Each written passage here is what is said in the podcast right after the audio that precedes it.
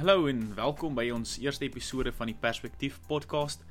My naam is Erastus Bekes en ek is van Harmonie Gemeente in Belwel.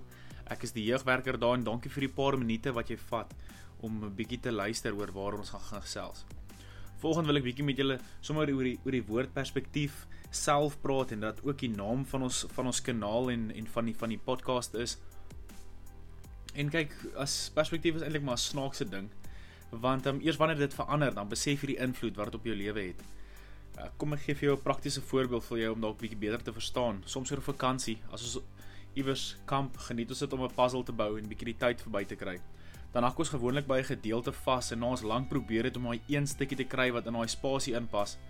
Dan vat ons net 'n breek en ons loop 'n draai of ons maak 'n koffie of ons gooi bietjie 'n bal en ons kom later dan weer terug met 'n vars uitkyk na die puzzle toe en dan elke keer vorder ons sommer baie beter omdat ons weer eens 'n vars uitkyk gekry het daarop.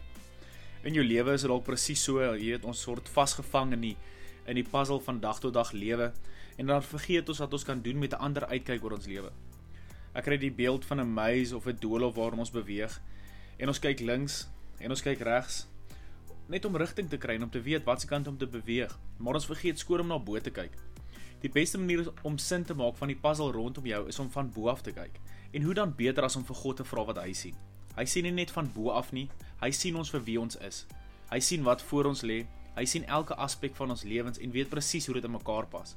Hy het ons van geboorte af 'n unieke plan en 'n unieke storie vir ons elkeen geskryf. Ons moet net in verhouding met hom bly en sy roete volg.